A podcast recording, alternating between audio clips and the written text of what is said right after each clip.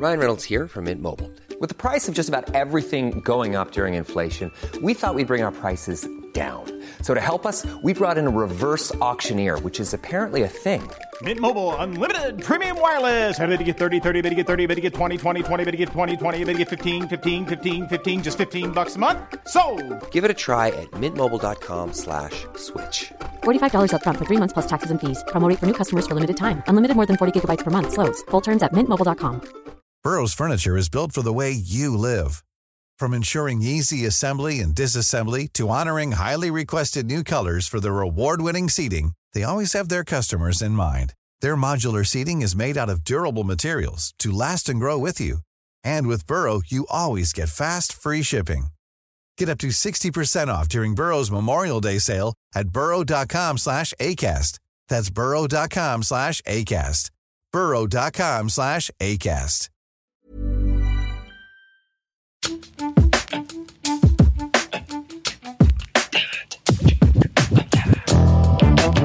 Varmt välkomna till Britta och Parisas podcast. Det här är avsnitt 51. Vi ger er varje vecka de viktigaste snackisarna, eh, kulturhändelserna eller bara sånt som vi har fastnat för och måste prata om. Och jag har varit på Mia Skäringers show The Final Fuck och har såklart två spaningar därifrån och ett tillfälle att prata om två spännande verk från veckan, nämligen Nour El Refais eh, Landet Lyckopiller bland annat. Och jag kommer att damma av ett gammalt favoritformat, nämligen om du gillade X så kommer du att älska Y. Och det är högt och lågt Parisa. Allt ifrån massvarsel på våra akutmottagningar till Frozen.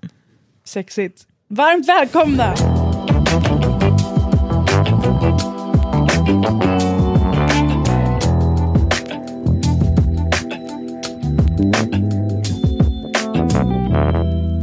Parisa, jag pratade ju tidigare med dig om, och våra poddlyssnare, förlåt.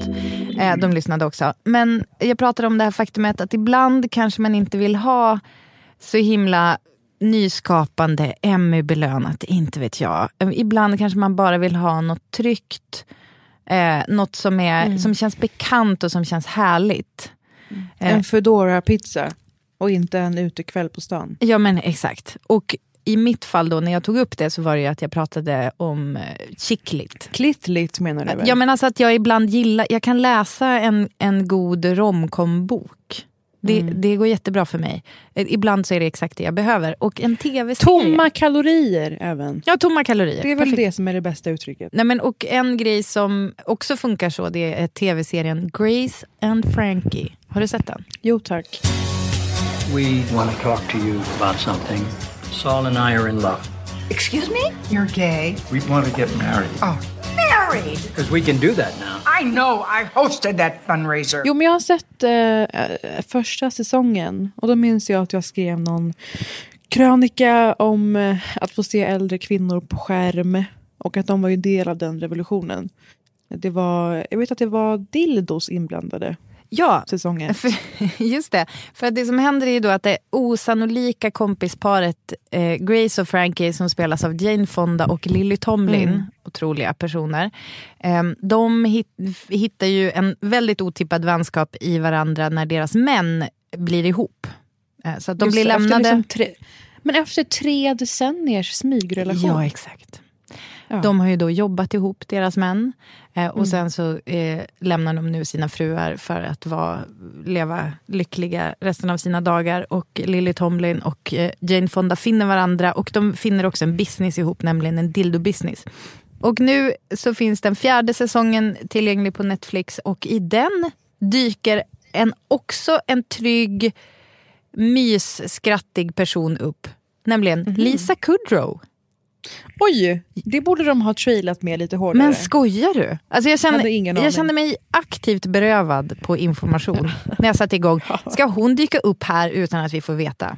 Jättekonstigt. Vi pratade ju om henne nyligen i Conan O'Briens eh, podcast. Ja, det avsnittet är Lysande mycket person. bra. Ja. Hon känner ju också Conan så bra, så det, det, är ett väldigt, det är ett starkt tips att lyssna på det avsnittet. Verkligen. Det får mig att tänka på när de håller på med den här dildo-grejen. Har du eh, någon gång eh, har du varit på ett dildo-party, Parisa? Medvetet nej, omedvetet säkert. Hur ser ett omedvetet ut? Det har säkert förekommit dildos tänker jag. Eh, mellan På ett party? Ja, jag förstår. Ja, utan att jag har varit fullt eh, medveten. Nej, men berätta, vad går det ut på? Nej, men grejen är så här att det här är väldigt, väldigt långt bak i mitt huvud. Men jag får, får gräva till när jag var hemma hos en kompis i... Alltså jag, nu, nu kämpar jag med att jag inte ska hänga ut den här personen för mycket. För det är också, lite, Nej! jo, det är också lite tragiskt. Men så här, Jag anar tragik. Nej, men det känns som att det har varit ett skift i hur vi liksom konsumerar dildos. Eh, Från det att jag var på ett så kallat dildoparty. Obs! Visste inte innan att det skulle vara ett dildoparty. Men det var en, en barndomsvän till mig som drog med mig på en fest hemma hos hennes kompis. Och när vi kom dit så visade det sig att det var då ett sätt att sälja dildos för att det är lite skämmigt att gå i butik. Och också kanske ett sätt för den här människan att sysselsätta sig. Um, alltså hon hade då försäljning av det här hemma i sitt eget vardagsrum. Alltså typ som ett Tupperware-party eller som Gudrun Schyman värvar väljare. Lite samma grej. det, här var i, det här var i Sverige. Det här var i Sverige och då, skulle man, då fick man först all, alla dildos eh, Men hur, presenterade. förlåt, hur, kan det vara, hur kan det vara mindre skämmigt att handla i ett rum med festlig stämning Alltså- och halvbekanta alltså, än Parisa- totala främlingar som Parisa- undviker ens blick i Nu butik? ställer du en mycket relevant fråga. För att Ja. alla de här eh, dildosarna skulle ju då demonstreras av personen som sålde dem. Herregud. På någon. Eh, det är inte sämre på Umeå-dialekt. Åh, herregud. Då har, vi, då har vi den här Rabbit. Och den har ju fått stort, stort genomslag genom den här filmen Sex and the City. Där de är och köper Hur kan du inte ha använt det här i någon tv-serie? Ja, men det måste jag göra. Men, och sen då efteråt när hon hade liksom presenterat alla, då skulle man gå in i köket och så skulle man få i enrum då säga vad man ville köpa. För det kunde vara lite skämmigt att säga inför alla vad man ville ha. Men i alla fall, det finns man, ett väldigt... man länsar lagret. Låt oss lämna det, för det är på riktigt. Jag får, jag får liksom lite svettningar när jag tänker på det. Men det är ett ganska Alltså, stort vi, är ju hopp. inte, vi är ju inte motståndare till dildos per se, det ska sägas. Nej. Men vi kanske inte heller är liksom, dildofeminismens största eh, riddare. Nej, men heller. alltså, jag, jag känner mig, jag är absolut jättepositivt inställd till dildos. Jag tycker bara att Mm. sättet att man då skulle handla av en person som visade hemma i sin etta med kök och, Mm. och visade alla de här med lagom entusiasm. Och det var Ja. alltså såna där jättestora svajiga kukar som man sätter fast med som en sugpropp så här, i bordet. Satte hon på sitt tack, för, glasbord. tack för ljudeffekt, Britta. Varsågod. Annars hade vi, eh, Men jag menar, det är ett ganska stort hopp från det. För det här var ju några år sedan till, nyligen var det ju Mamagala i stan. Åh, herregud. och- Gick du på den? Nej, jag var inte där nu. Nej. Jag kunde inte gå. Bara om du är på omslaget går du. Eh, alltså, Svara, exakt. Svarade du så på inbjudan? Ja. Och de, eh, men för typ ett par år sedan var jag där och då fick man en, liksom i sin goodiebag, eller man fick vid bordet, så var det uppdukat och så var det en liten vibrator. Som såg ut som ett läppglans i en sån förpackning. Men det är så löjligt att man måste förklä det till någonting. Då vill jag hellre ha de där eh, med liksom någon slags köttfärg. Du vill ha en För köttfärg. faktiskt visa vad det är man håller på med. Vilken nyans Nej, skulle du säga att ponera- köttfärgen har? Ponera att jag skulle gå på någon slags fest där man ska bonda med andra vuxna kvinnor över fallosliknande, ibland vibrerande eh, sexleksaker.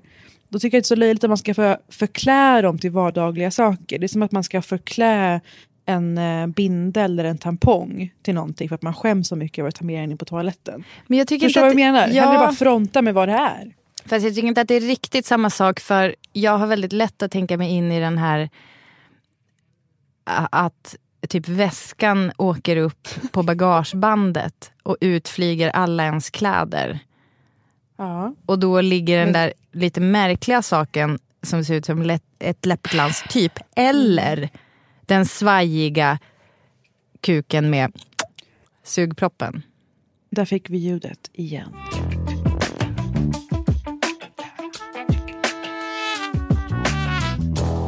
Trogna lyssnare av podden känner ju väl till formatet. Om du gillade X kommer du att älska Y. Det här föddes från att jag var och shoppade i Soho och eh, gick in i Amazons fysiska butik för att undersöka, utforska. Och som så ofta går man in i en sån här eh, imperialistisk butik och ska ha en mörk blick på allting. Men faller för att nej men de har ju tänkt igenom allt. Och då har ju de ett format online som är att du kanske söker på en bok, säg Tina Feys Bossy Pants och så dyker det upp om du gillade den här boken så kommer du älska si och så. Mm. Och så har vi flippat på det formatet och återanvänt det x antal gånger här i podden. Ja. Så det är som ett, ett förhöjt tips istället. Och jag är som ett litet buffébord av såna grejer, högt och lågt. Och jag vill verkligen Ljuvligt. betona att det är verkligen högt och lågt. Och ibland kanske Som- mer som ett bara. frågetecken bara. Men det är exempel på jag har samlat på mig den senaste veckan en massa såna tankar. Ja, men om man gillade X då borde man älska Y. Borde, måste. Måste.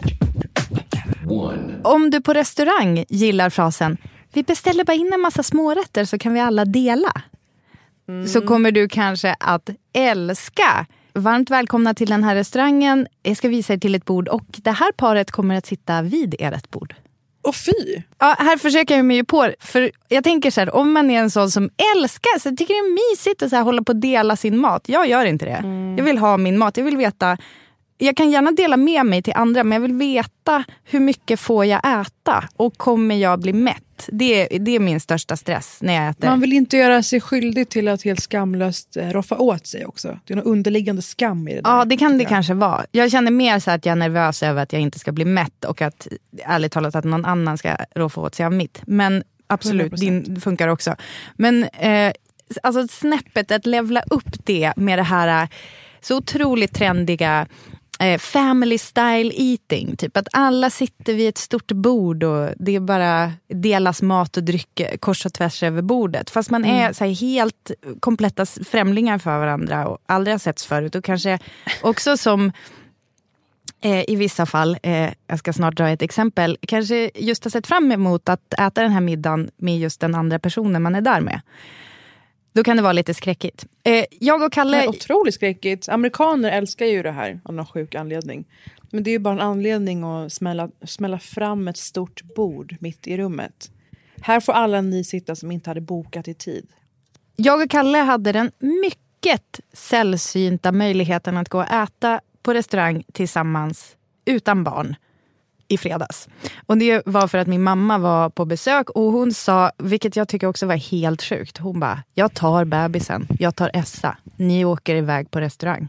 Så det gjorde vi. Men det skulle jag också kunna göra, in a heartbeat. Alltså, per, det är ändå en, ja, det är lite skrikigare än, än Okej, men min poäng var, I'm intrigued. Ja. Vad, vad valde ni att göra med den här kvällen? Skogsrave, eller vad blev det? Ja, man hade ju kunnat tro skogsrave. Det var vad jag sa att jag ville göra. Men Kalle finkammade internet och hittade en krog. För då är det ju också sådär att vi, det är så sällsynt så då måste vi göra bästa, bästa upplevelsen. Då hittade han en restaurang som heter Aloe. Har du hört talas om den? Eh, jo, en svag känsla. Ja. Ja, det, det är inte jättekonstigt om du inte har hört talas om den. För den ligger nämligen i ett villaområde söder om Söder. Alltså i ett, verkligen, när jag säger villaområde då menar jag villaområde. När man kör omkring med taxin där så verkar det som att man ska typ hem till någon. Vilket vi också såg framför oss. Det gör man då inte. Man får komma in i visserligen ett hus och det känns som typ en vanlig hall och så sitter man där. Men det är ju, folk är finklädda och eh, ja, det är lite mer folk än vad det skulle vara i ett vanligt hus. Och sen när man sitter där och väntar på att få komma till sitt bord så blir man välkomnad av en hovmästare som sen säger och de här två människorna ska också sitta vid ert bord. Och vad var er inställning? Alltså jag får ju panik. Nej men alltså jag får som panik. För... Innan du har sett dem eller på grund Nej, av hur på grund av ut? att jag ser dem. Jag skojar. Nej, men, alltså, grejen är så här, jag får sån panik. För att då tänker jag, jag känner ju också mig och Kalle. Vi är ju väldigt dåliga på att eh, hur ska jag säga det här, att inte bry oss om stämningen i rummet. Mm. Så att vi, jag vet ju direkt att så här, nu kommer vi sitta med några andra. Det kommer innebära Mm. att vi kommer hela kvällen vara helt dedikerade till att det inte ska bli konstig stämning. Att försöka underhålla de andra. Att också kan vi ju inte prata om sånt som vi kanske skulle vilja prata om för att det, de andra Men vem- lyssnar. Var det ens någon som initierade kontakt med dem av er två? Ehm, nej men herregud, alltså var, man var ju tvungen att hälsa direkt. Men gud. Ja, alltså, jag, hade, jag hade markerat tidigt. Nej. Det kommer inte förekomma nej men Paris, det kan du inte göra. Alltså, då är du ju hade nickat. socialt utvecklingsstörd. Man nickar Nej, här och togs det i hand. med Ja, men, liv. för, herregud. jo, men de presenterade ju oss. Det var ju som att hovmästaren bara, och här, ni ska sitta tillsammans med de här och så kommer de så här, hej hej, vad ska, du, ska jag göra? Ska jag markera bara? Men vänta nu. Var ni på swingers restaurang? Ja, men det, alltså, jag, jag hade så många swingerskämt i, som hängde i luften som jag bara kände att jag var tvungen att mota tillbaka. Men det, jag, jag var tvungen att väsa dem lite Det är ju ett själv. koncept som någon väntar på att få göra. Ja, men 100%. Swingers restaurang. De här jävla punk royal-människorna som gör så Säkerligen. nöjesfält av restaurang. Säkerligen. Hur som helst så gick middagen bra. De var jättetrevliga. Och det känns som att vi har fått nya kompisar. Eh, så, att det, så att jag vill med det här kanske säga att jag blev omvänd. Eh, Men jag, det tar, förtar inte känslan av att det är otroligt stressigt. Och vi var ju inte heller på dejt med varandra. Utan det blev ju som att vi var på dejt med dem. Även om de var supertrevliga. Och det känns som att jag typ fått nya kompisar. De hade jättespännande yrken. Och det blev som att hela kvällen. De jobbade inom restaurangbranschen. Så de satt och kommenterade allting som hände på ett väldigt kul sätt. Alltså utifrån deras här jobbskada. Så det var jättekul. Men mellan raderna så anar jag att det här, lika mycket som det kan tolkas som ett tips, för oss som inte nappar på det här så är det en varning. Ja, exakt. Då vill jag först och främst gratulera Hanna Hellqvist till Stora Journalistpriset! Woo! Årets röst! About time! About time! Så himla kul, så välförtjänt. Eh, och om du gillade Hanna Hellqvists text i DN om hennes alkoholism, den som till, alltså till stor del bidrog till att hon fick det här priset och också eh, faktiskt var hennes sätt att komma ut eh, som alkoholist. Då kommer du att älska Rebecca Åhlunds bok Jag som var så rolig att dricka vin med. Har du läst den? Alltså, på tiden att den här tas upp i eh, podden. Jag är jättenyfiken på den här boken. Jag har inte fått läsa den än. Alltså den är... Rebecca Åhlund skriver om sitt första år som nykter alkoholist. Eh, och jag ska faktiskt ta och läsa en bit ur den. Det tycker jag. Det var länge sedan vi hade högläsning i podden. Hur börjar man dricka på dagarna? Hur går det till i praktiken? Man kanske står i köket. Klockan är två på en tisdag och man har inget att göra. På väggen sitter en post-it-lapp man skriver till sig själv. Skriv bok. Punkt. Inte fika. Inte nåt. Men man har försökt skriva och det blev inte bra. Man är lite småirriterad och rastlös. Det kanske står en slatt rosé kvar i kylskåpet från kvällen innan. Man kanske nästan utan att reflektera häller upp slatten i ett vanligt dricksglas och sveper det. Det känns busigt och semestrigt.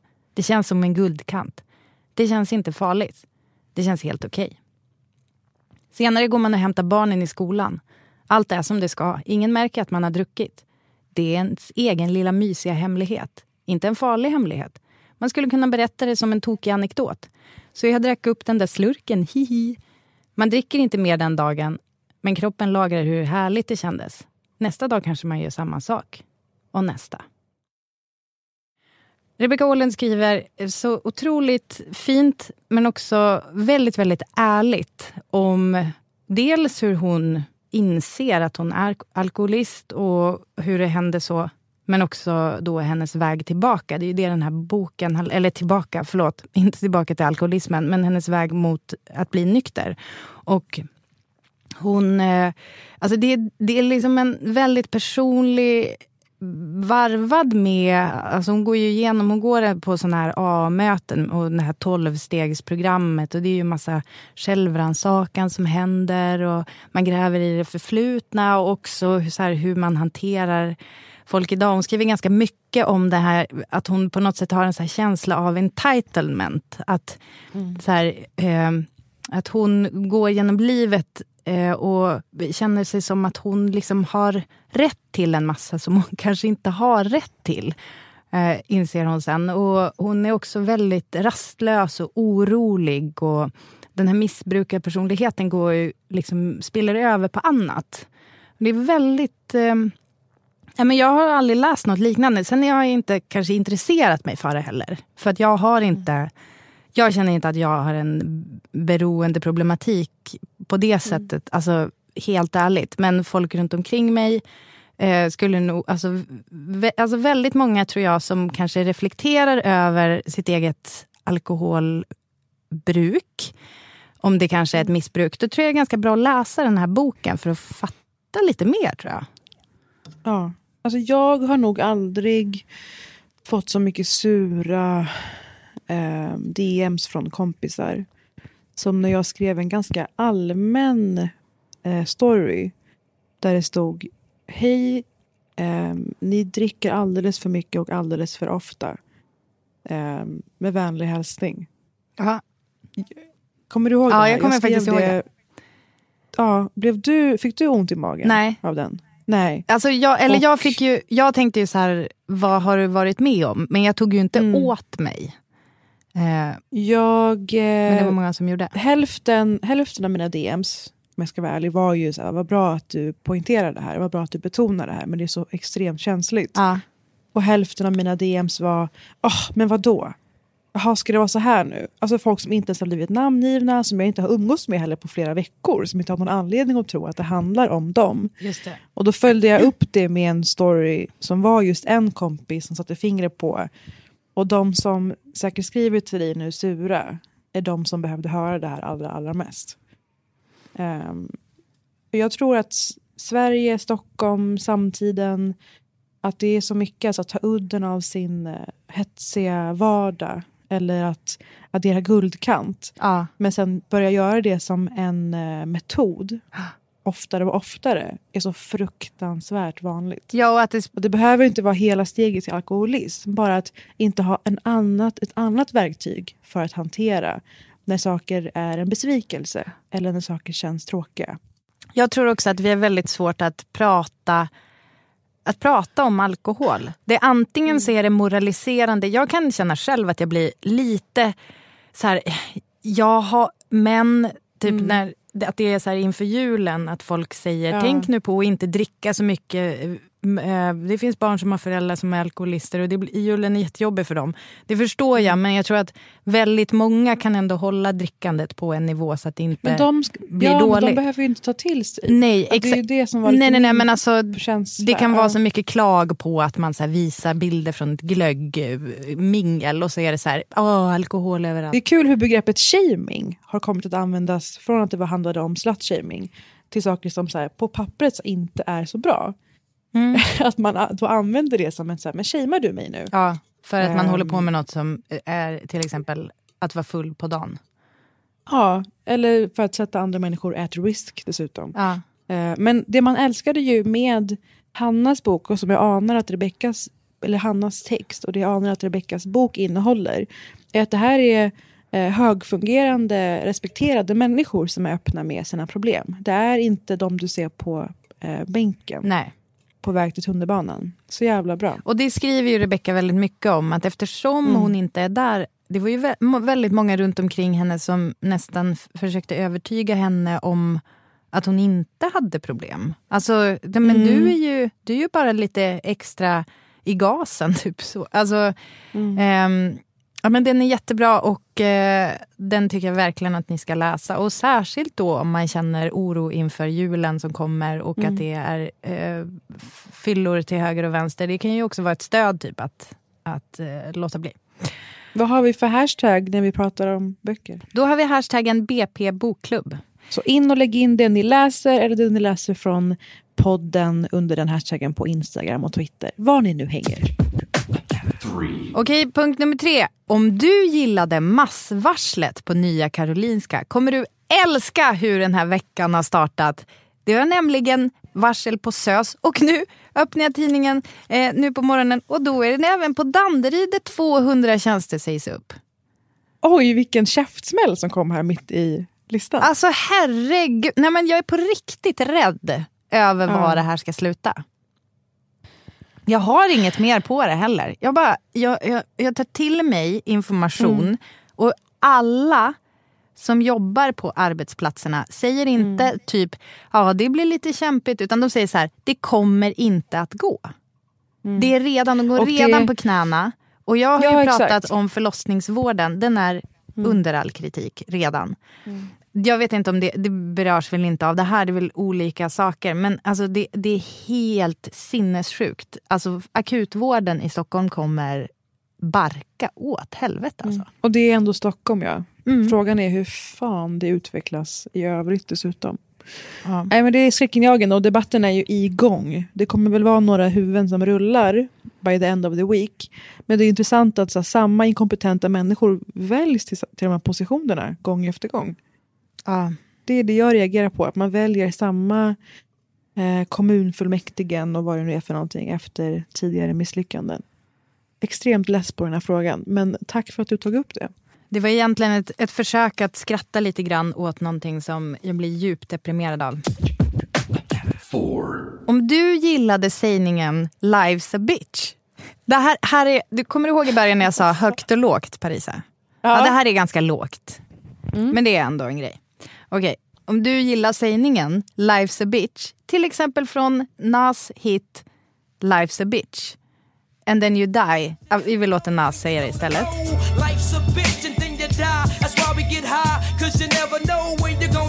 Så kommer du att älska ASAP Rocks version. Och nej, jag sa inte fel och menar egentligen ASAP Rocky. Jag är less på ASAP Rocky. Utan det här är ASAP Rock. Som är en eh, hiphop-akt, eh, som man säger. Som jag lyssnade på väldigt mycket i typ gymnasieålder. Eh, Så här Alltså jag, jag lyssnade på den här låten igen häromdagen och inser att det här är ju en direkt tilltal incels. Lyssna på det här.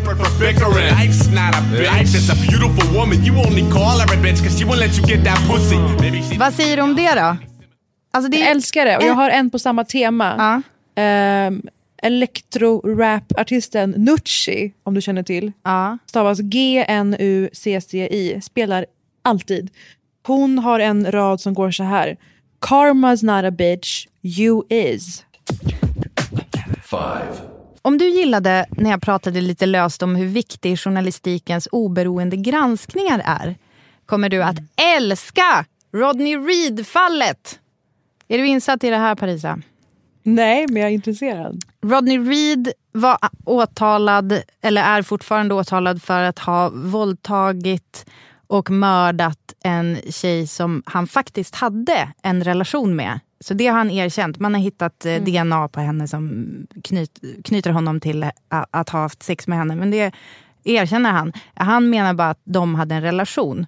Eh, hennes ex, eller eh, som hon var typ ihop med under tiden, var en polisman som eh, det visar sig då efter att journalister har grävt i det här fallet har den här mannen... Eh, ja, det finns väldigt starka indicier att det kanske i själva verket är den här polisen som hon dejtade som istället har mördat henne. Åh herregud. Rodney Reed skulle ha blivit avrättad i onsdags men i sista sekunden så, eh, så tänkte man om kring det här och väldigt mycket tack vare de journalister som har grävt i fallet.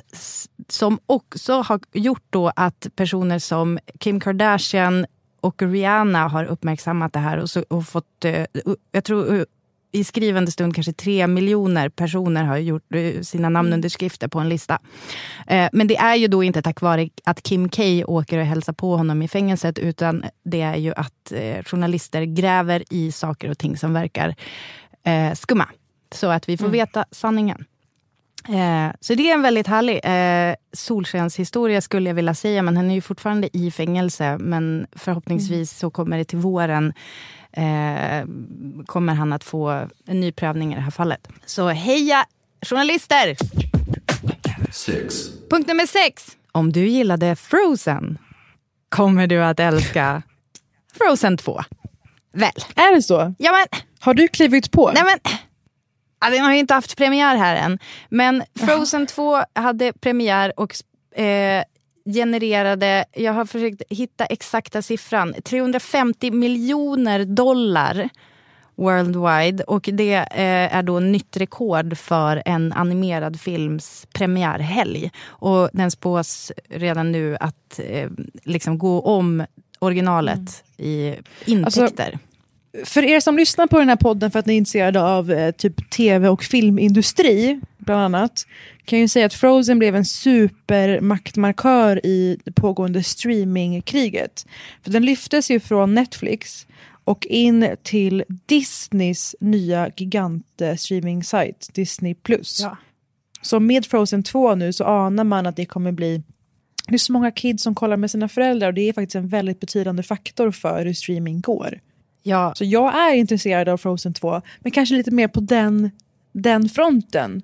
Hur känner du? Är det innehållet? Är du peppad? Jag är superpeppad. Alltså jag har tittat på trailern flera gånger. Det bör ju nämnas att jag har en väldigt Frozen-intresserad person hemma.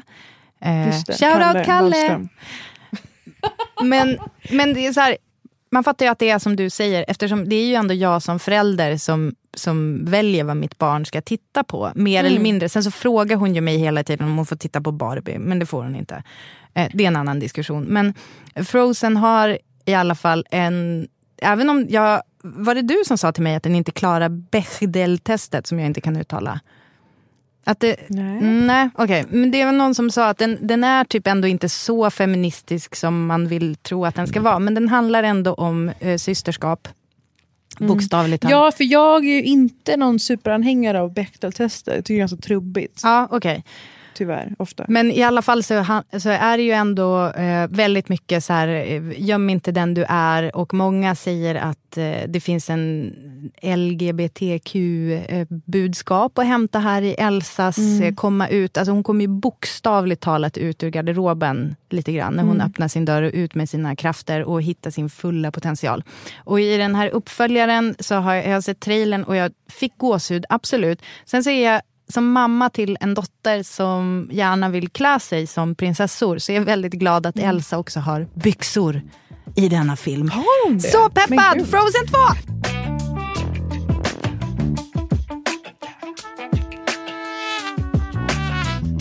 Britta, vilken otroligt påfrestande vecka vi har haft. Det måste vi ju snudda Mm. vid.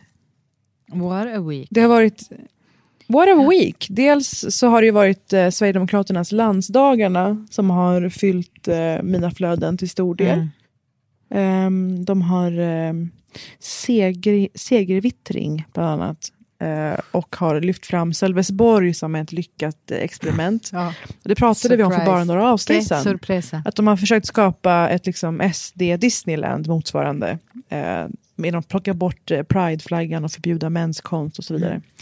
Eh, väldigt intressant. Och såklart så har ju rättegången mellan Cissi Wallin och Fredrik Virtanen pågått. Har du tagit del av detta?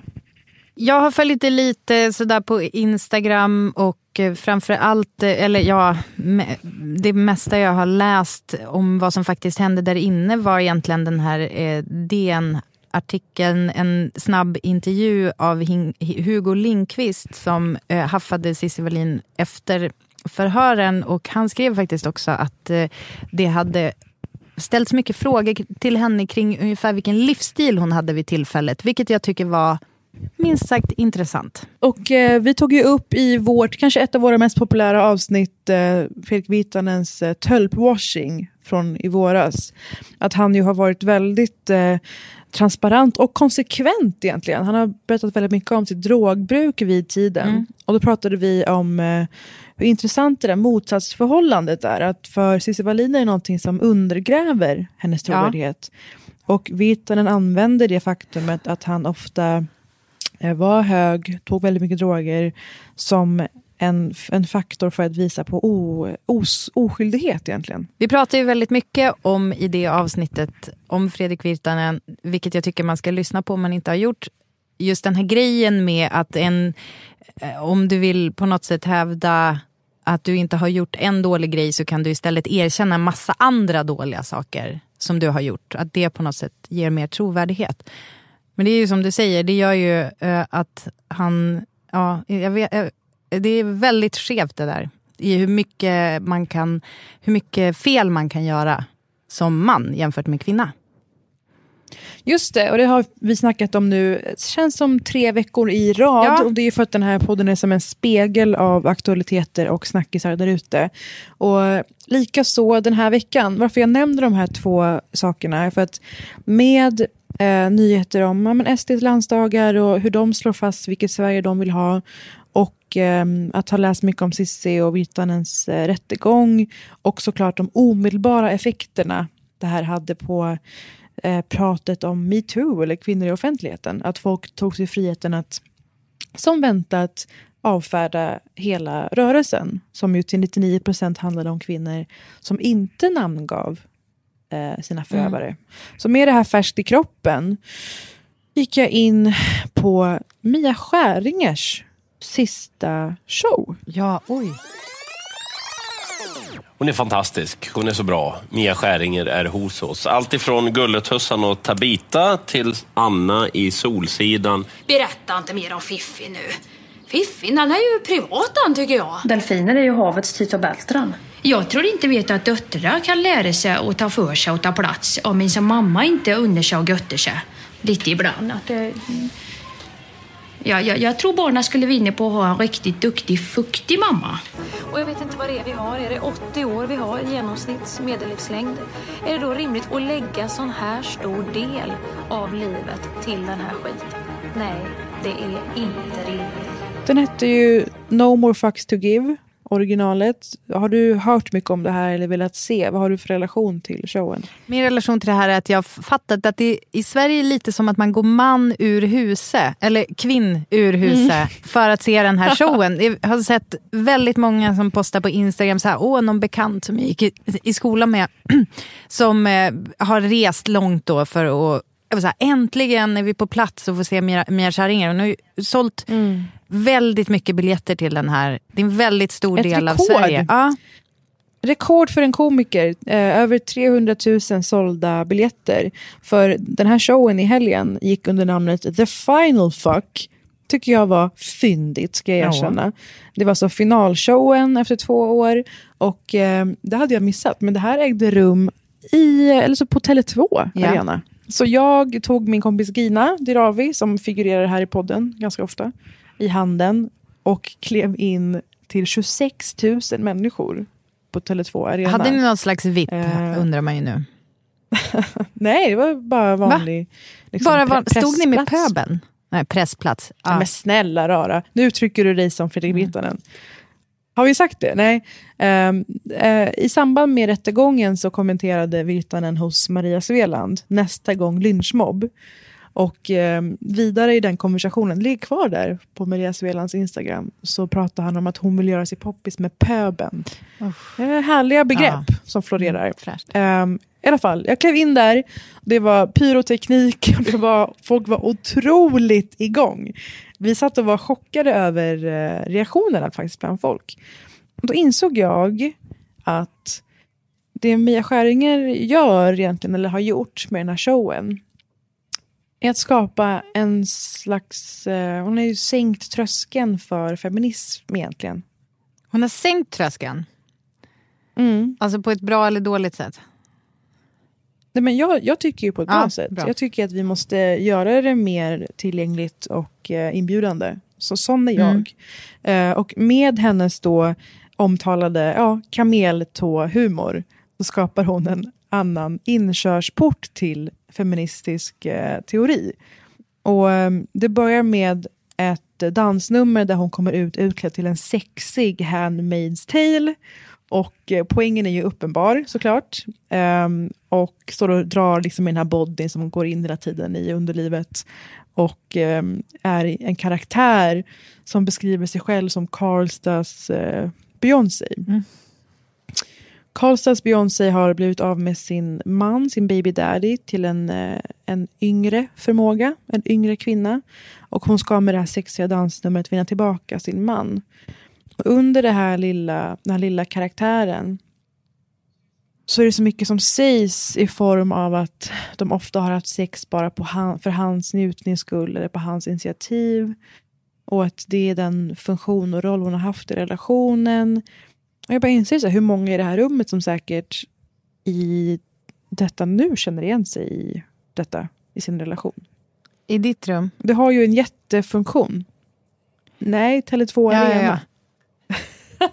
inte, mitt, va- inte mitt vardagsrum, utan Tele2 Arena. Så jag förstår eh, Mia Skäringers funktion och eh, den otroliga effekten hon har haft. Hon har verkligen skapat en slags tillgänglig, engagerande feminism i den här showen. Och så var det två säg, eller två ögonblick som jag ytterligare vill gå in på. Och utifrån dem komma in på två eh, nya verk som har släppts den här veckan och som jag vill bolla med, med dig. Innan du går in på det Parisa, ja. så vill jag bara kolla med dig. För jag såg eh, bitar av vad jag tror skulle komma att bli den här showen när Erik Haag hade sin stora Globen-grej. Kommer du ihåg att han gjorde en reklamgrej för en bank? Men gud. Och då, var Mia, då, då skulle han fylla Globen. Och som man bara, Mm. gud ett vansinnesprojekt. Men sen så drog han till sig en massa komiker. Björn Gustafsson, Schyffert och sen också Mia Mm. Skäringer. Och det minns jag, jag har aldrig sett henne på scenen så. Men hon, alltså det var så roligt så att jag, jag, jag frustade och grät och krampade för att det var så Mm. roligt. Så hur skulle du säga, liksom, hur mycket garvade du? Jo, men det var mycket skratt, men det fastnade i halsen. Ah, okay. Det var snabbt över till eh, verkligheten. Mm. Och det, är det, det är det jag kanske borde ha varit tydligare med också. Att det var otroligt eh, fint, engagerande, man skrattade, man grät lite. Man Mm. blev påmind om just det, det var ju det här vi ville. Um, och så att vi har hamnat så himla, himla fel ibland. Det har blivit en debatt mellan borgerliga feminister och så kallade Instagram-feminister. Alltså, det som Mm. pågår nu vill jag inte ha någon del av egentligen. Ehm, men vi återkommer till det, verkligen.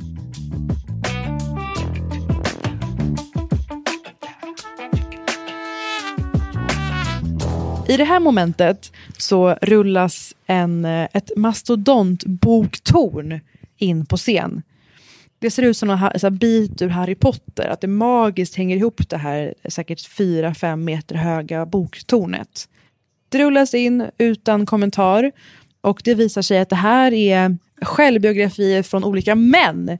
De äger ju som bekant den här arenan, eller vad säger du? Absolut.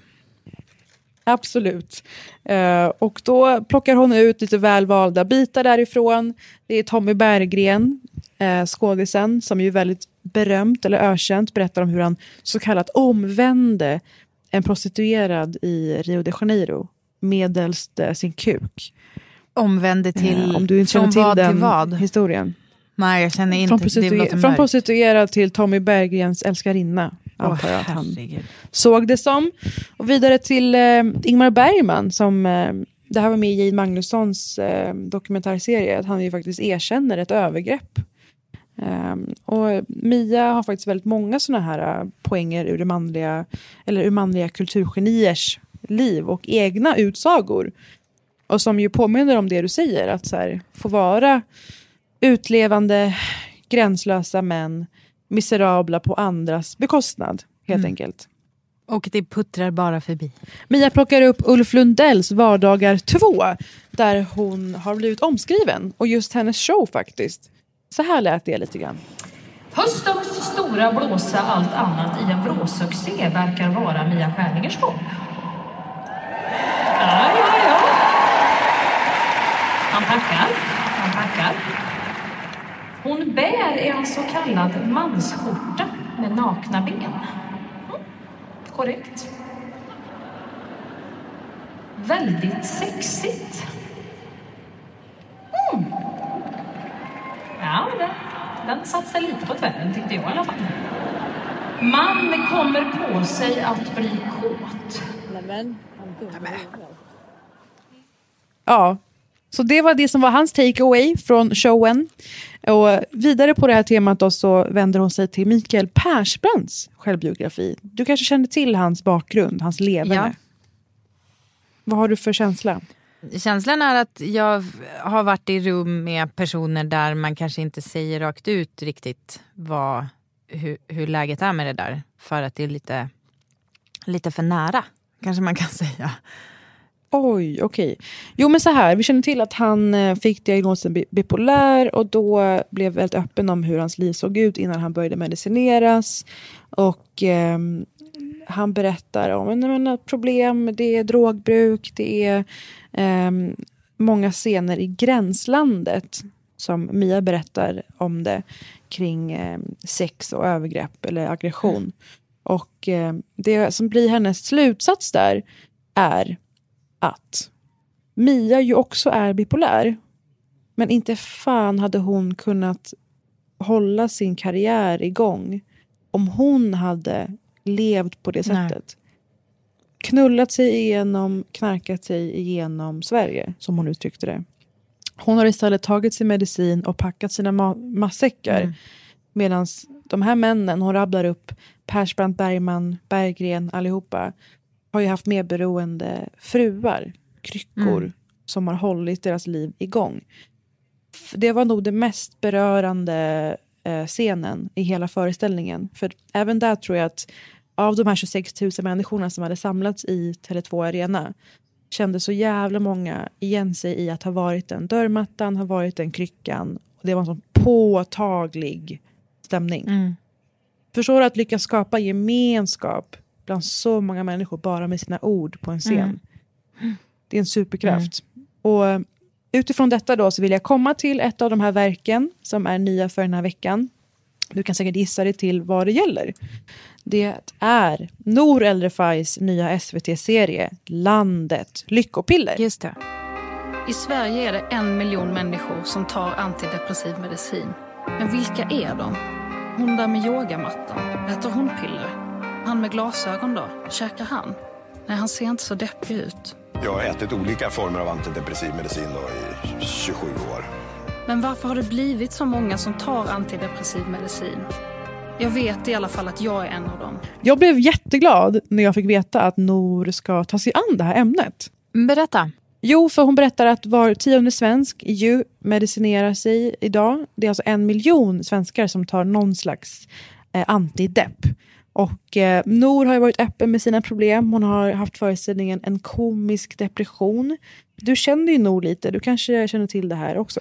Ehm, ja, alltså jag tycker att det finns väl väldigt... Alltså det, jag skulle vilja säga att det känns ändå ganska normaliserat i eh, bland den branschen vi verkar, om jag säger så, lite slarvigt. Vi är Mm. inte ja, prick samma bransch, alltså vi är inte i komikersvängen, men eh, att det är ganska många som käkar piller, är det inte så?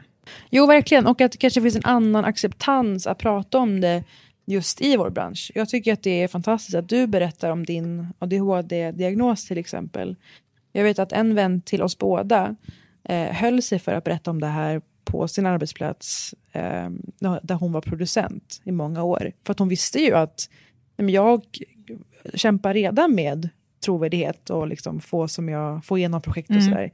Jag vill inte ha, ge folk ett verktyg att kunna undergräva min auktoritet eller trovärdighet. Nej. Och No- Nor har ju den positionen att kunna vara transparent. Precis, det är ju en lyx att kunna vara där, faktiskt. Eh, jag, jag har faktiskt mörkat det på en arbetsplats och det var lustigt nog när jag jobbade på reklambyrå där man till höger och Mm. vänster varje dag skämtar om så här kreatörer har ADHD och du är så dampig och så här. Och- Men det är ändå skillnad att vara den som har det på riktigt eller i alla fall diagnostiserat. Nej, Men, och Nor är såklart otroligt slagkraftig, självklar och väldigt sympatisk i den här serien. Hon berättar om att hon har medicinerat sedan hon var 18 år gammal. Mm. Och eh, haft problem med ångest större delen av sitt liv. Och jag, jag förstår och respekterar att hon inte vill gå in på det djupare än så, kanske. Men man anar att det ligger mer där och gror. Mm. Och det som är fint är också att de har med eh, alltså gemene man är, med, är, är liksom representerad i serien. Mhm. Genom eh, massa olika människor som är med i små korta snuttar och pratar om stigmat, när de insåg att de hade behov, hur illa det kunde bli innan dess. För att visa på att det här är ju en folksjukdom. Det här hör till att vara svensk idag. Ja. Och sen är det ju det här med varför rätt. Varför är så, mår så många dåligt? Varför tar så många medicin? Mm. Det kan jag känna att vi inte får jättemycket svar på. Aha, okej. Ehm, det är också väldigt sv- svåra frågor att besvara. Men vi får ju väldigt många olika människors perspektiv på det. Ja. Verkligen. Och jag känner igen ett, det här motståndet som man beskriver om medicinering också. Att det är något man ska akta sig för. Man åker till Italien där en psykolog väldigt liksom högtravande säger att här har vi vin och pasta, vi älskar livet, vi behöver inte Mm. sånt. Och det är nästan pa- parodiskt att han drar den analysen. Mm. Men, men hur känner du? Känner du igen det? Att det många som tycker att man ska akta sig för medicinering? Eh, ja, jag tror absolut att det finns en föreställning om att medicinen på något sätt kommer att beröva mig mina riktiga känslor.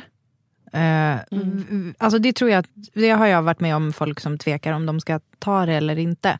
Eh, men för att, att, att säga en sak om det där med Italien, för jag, jag har inte hunnit se avsnittet än, men jag har läst eh, en intervju med henne och då då omnämns det här med Italien att de pratar mycket om att de faktiskt har väldigt starka familjeband. Och att i Sverige, Nord tar upp det själv i den här intervjun, att i Sverige så har vi många som hatar umgås med släkten. Eh, Och att det, sku, så det det känns som att eh, kanske kommer det sen att de börjar gräva lite. Eller har du sett hela serien? Jag har sett hela serien. Ah, okay. Eh, mm. Och det starkaste ögonblicket är just när en psykolog som hon träffar i varje avsnitt faktiskt tar sig an den här frågan lite mer tydligt. Ah, okej. Och han menar på att det är just individsamhället som kan vara en stor grund till det här. Att vi, det är så individualiserat här och man vill gärna prestera eh, utifrån sig själv. Och så blir det en Ah. omöjlig press på något sätt. Ja. Alltså, jag tycker det, alltså, det är helt sjukt vad vi har den där föreställningen om att man ska vara self-made. Och eh, jag är ju så förbannad på den här eh, entreprenörstrenden av den anledningen. För det sätter som ännu större press på alla kidsen som nu växer upp och har typ ångest innan de är 18.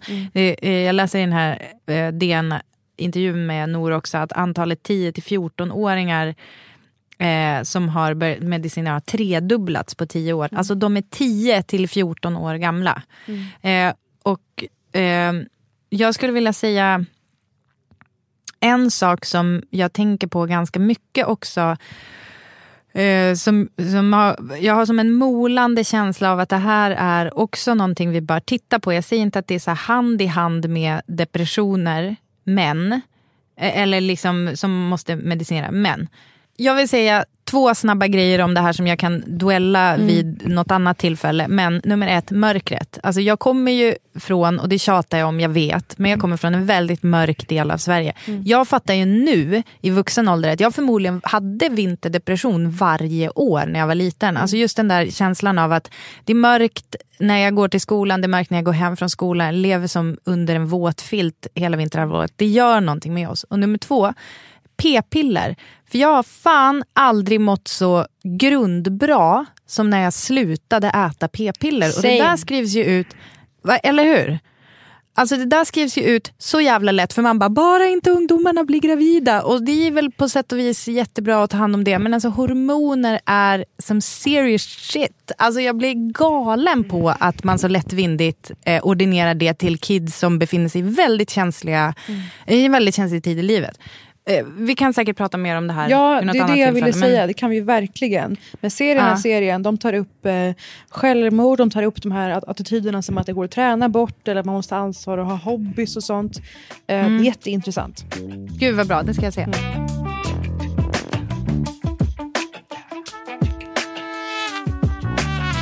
Eh, Mia Skäringer tar till sin kända karaktär Tabita. Du har sett henne. Man kan, man kan tro att det rör sig om klassförakt, men det hon faktiskt Ja. gör är att hon, som med Gina Diravis egna Khadija, om du minns, den beslöjade kvinnan, att hon spelar på andras fördomar och förmänskligar en person som så ofta bara får vara en stereotyp. Jag tycker att den Ja. eh, har ett djup. Där är väl en klassiker att klassföraktet kan ju vara in the eye of the beholder. Uff, där hade du det. Och Tabita har en sak att säga om vivörerna. Skriv in det grabbarna vet du det ordet. Vivör. rumlare, rucklare, playboy, utsväpare. Så säger det i finrummet. I fulrummet där jag kommer ifrån, där säger vi alkoholiserad kåtbock, ärkesvin, snuskhummer, våldtäktsman. Såklart leder det här oss in på veckans stora boksläpp, nämligen Klubben av självaste Matilda Gustafsson. Namnet känner du igen. Ja, Ja. som eh, släppte hela Svenska Akademin eh, grävet. Få har hittills kunnat läsa klubben men igår medverkade Matilda Gustafsson i SVTs litteraturprogram Babel. Och hon berättade bland annat om intervjun i boken med akademiledamoten Horace Engdahl. Alltså, hans eh, samtalsform är ju monologen. Och den, det kan vara liksom briljant och intagande. Så. Men eh, det var en fyra timmar lång monolog. En otroligt duktig journalist som är känd för stora massan och såklart eh, befann sig i händelsernas mitt under metoo och publicerade granskningen mot kulturprofilen. Nu är det två år sedan där 18 vittnesmål berättade om trakasserier, övergrepp och maktmissbruk i kulturvärlden som ledde till ett slut för tystnadskulturen i akademin och allt som har hänt sedan dess.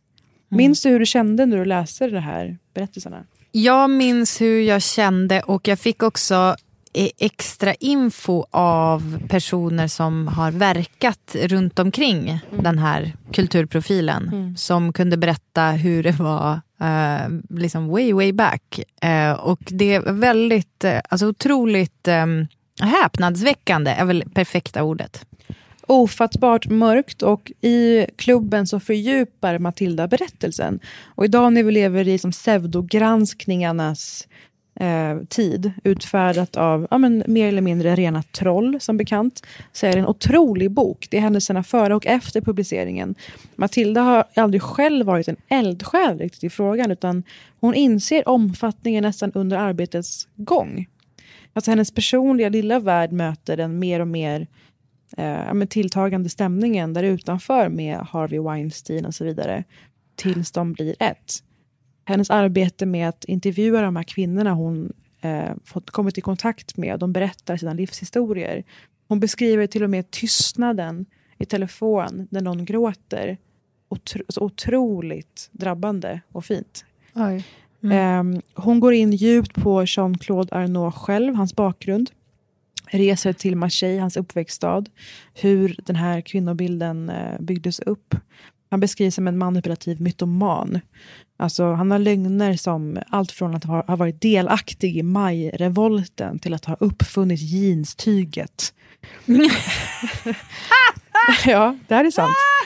Hon beskrivs som den sexiga elitism som det beskrivs, som Horace så mycket idoliserar. Eh, Katarina Frostenson, Forum. Hon beskriver hur han levde i symbi- symbios med hela Sveriges kulturvärld. Det här är ett, ett praktverk av Matilda. Och såklart viktigast av allt. Matilda ägnar en stor del av boken åt just kvinnorna. Um, det som imponerade allra mest var att det här är inte är någon fåfäng bok där hon själv applåderar den egna succén. Utan hon skapar vidare utrymme för att hedra det här förtroendet hon fick från kvinnorna som valde att berätta för henne. Vissa inledde en sexuell relation med honom som sen blev fylld av aggression och förakt. Vissa blev bara utsatta för en, en, eh, ett övergrepp som en, en våldsam pussy grab mitt bland folk som valde att ingenting säga och absolut inte ingripa under så många år. Ah. Så boken Klubben av Matilda Gustafsson är ett måste för att förstå det riktiga metoo. Inte det metoo som man försöker förvrida det till nu eh, i allt för många medier och från allt för många mäktiga håll. Det bästa är hur hon beskriver det som den lojalitetskult som han byggde runt sig. Alltså olika män på upphöjda positioner som på grund av tacksamhetsskuld valde att ingå i den här tystnadskulturen. Så djupt, djupt drabbad och imponerad av Matilda Gustafssons bok Klubben som jag vill att ni alla tar er an och läser.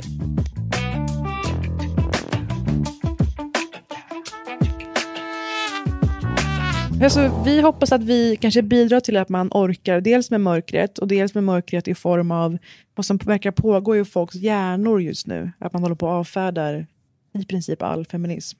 Känns det som. Jag, jag tycker i alla fall att det är ljust att 300 000 pers vill gå och se Mia Skäringer i det här landet när jag är rädd för att en fjärdedel av befolkningen ska vara rasister. Så känns det ändå som att det är en strimma hopp här. Ja, men jag kände verkligen det. Och jag vill också att vi ska vara den. Frälsaren i fiden. Macheten i misären. Som vi har utlovat. Eh, Så Ja. tack för att ni lyssnar. Varje vecka eller då och då. Det har jag ingen aning om faktiskt. Det var allt för denna vecka. Eh, hör av er på Britta och Parisa på Instagram. Det tycker vi är jättehärligt att ni gör. Eh, ge oss betyg på iTunes så blir vi glada om det är ett fint betyg. Annars blir vi sura. Eh, puss och kram. Vi hörs snart igen. Hej då!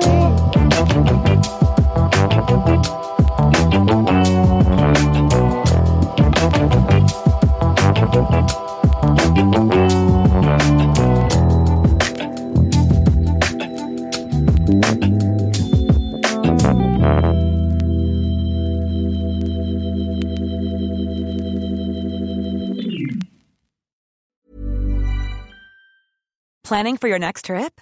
Elevate your travel style with Quince. Quince has all the jet setting essentials you'll want for your next getaway, like European linen, premium luggage options, buttery soft Italian leather bags, and so much more. And is all priced at 50 to 80% less than similar brands. Plus, Quince only works with factories that use safe and ethical manufacturing practices. Pack your bags with high-quality essentials you'll be wearing for vacations to come with Quince. Go to quince.com slash pack for free shipping and 365-day returns. Planning for your next trip? Elevate your travel style with Quince. Quince has all the jet-setting essentials you'll want for your next getaway, like European linen, premium luggage options, buttery soft Italian leather bags, and so much more. And is all priced at 50 to 80% less than similar brands.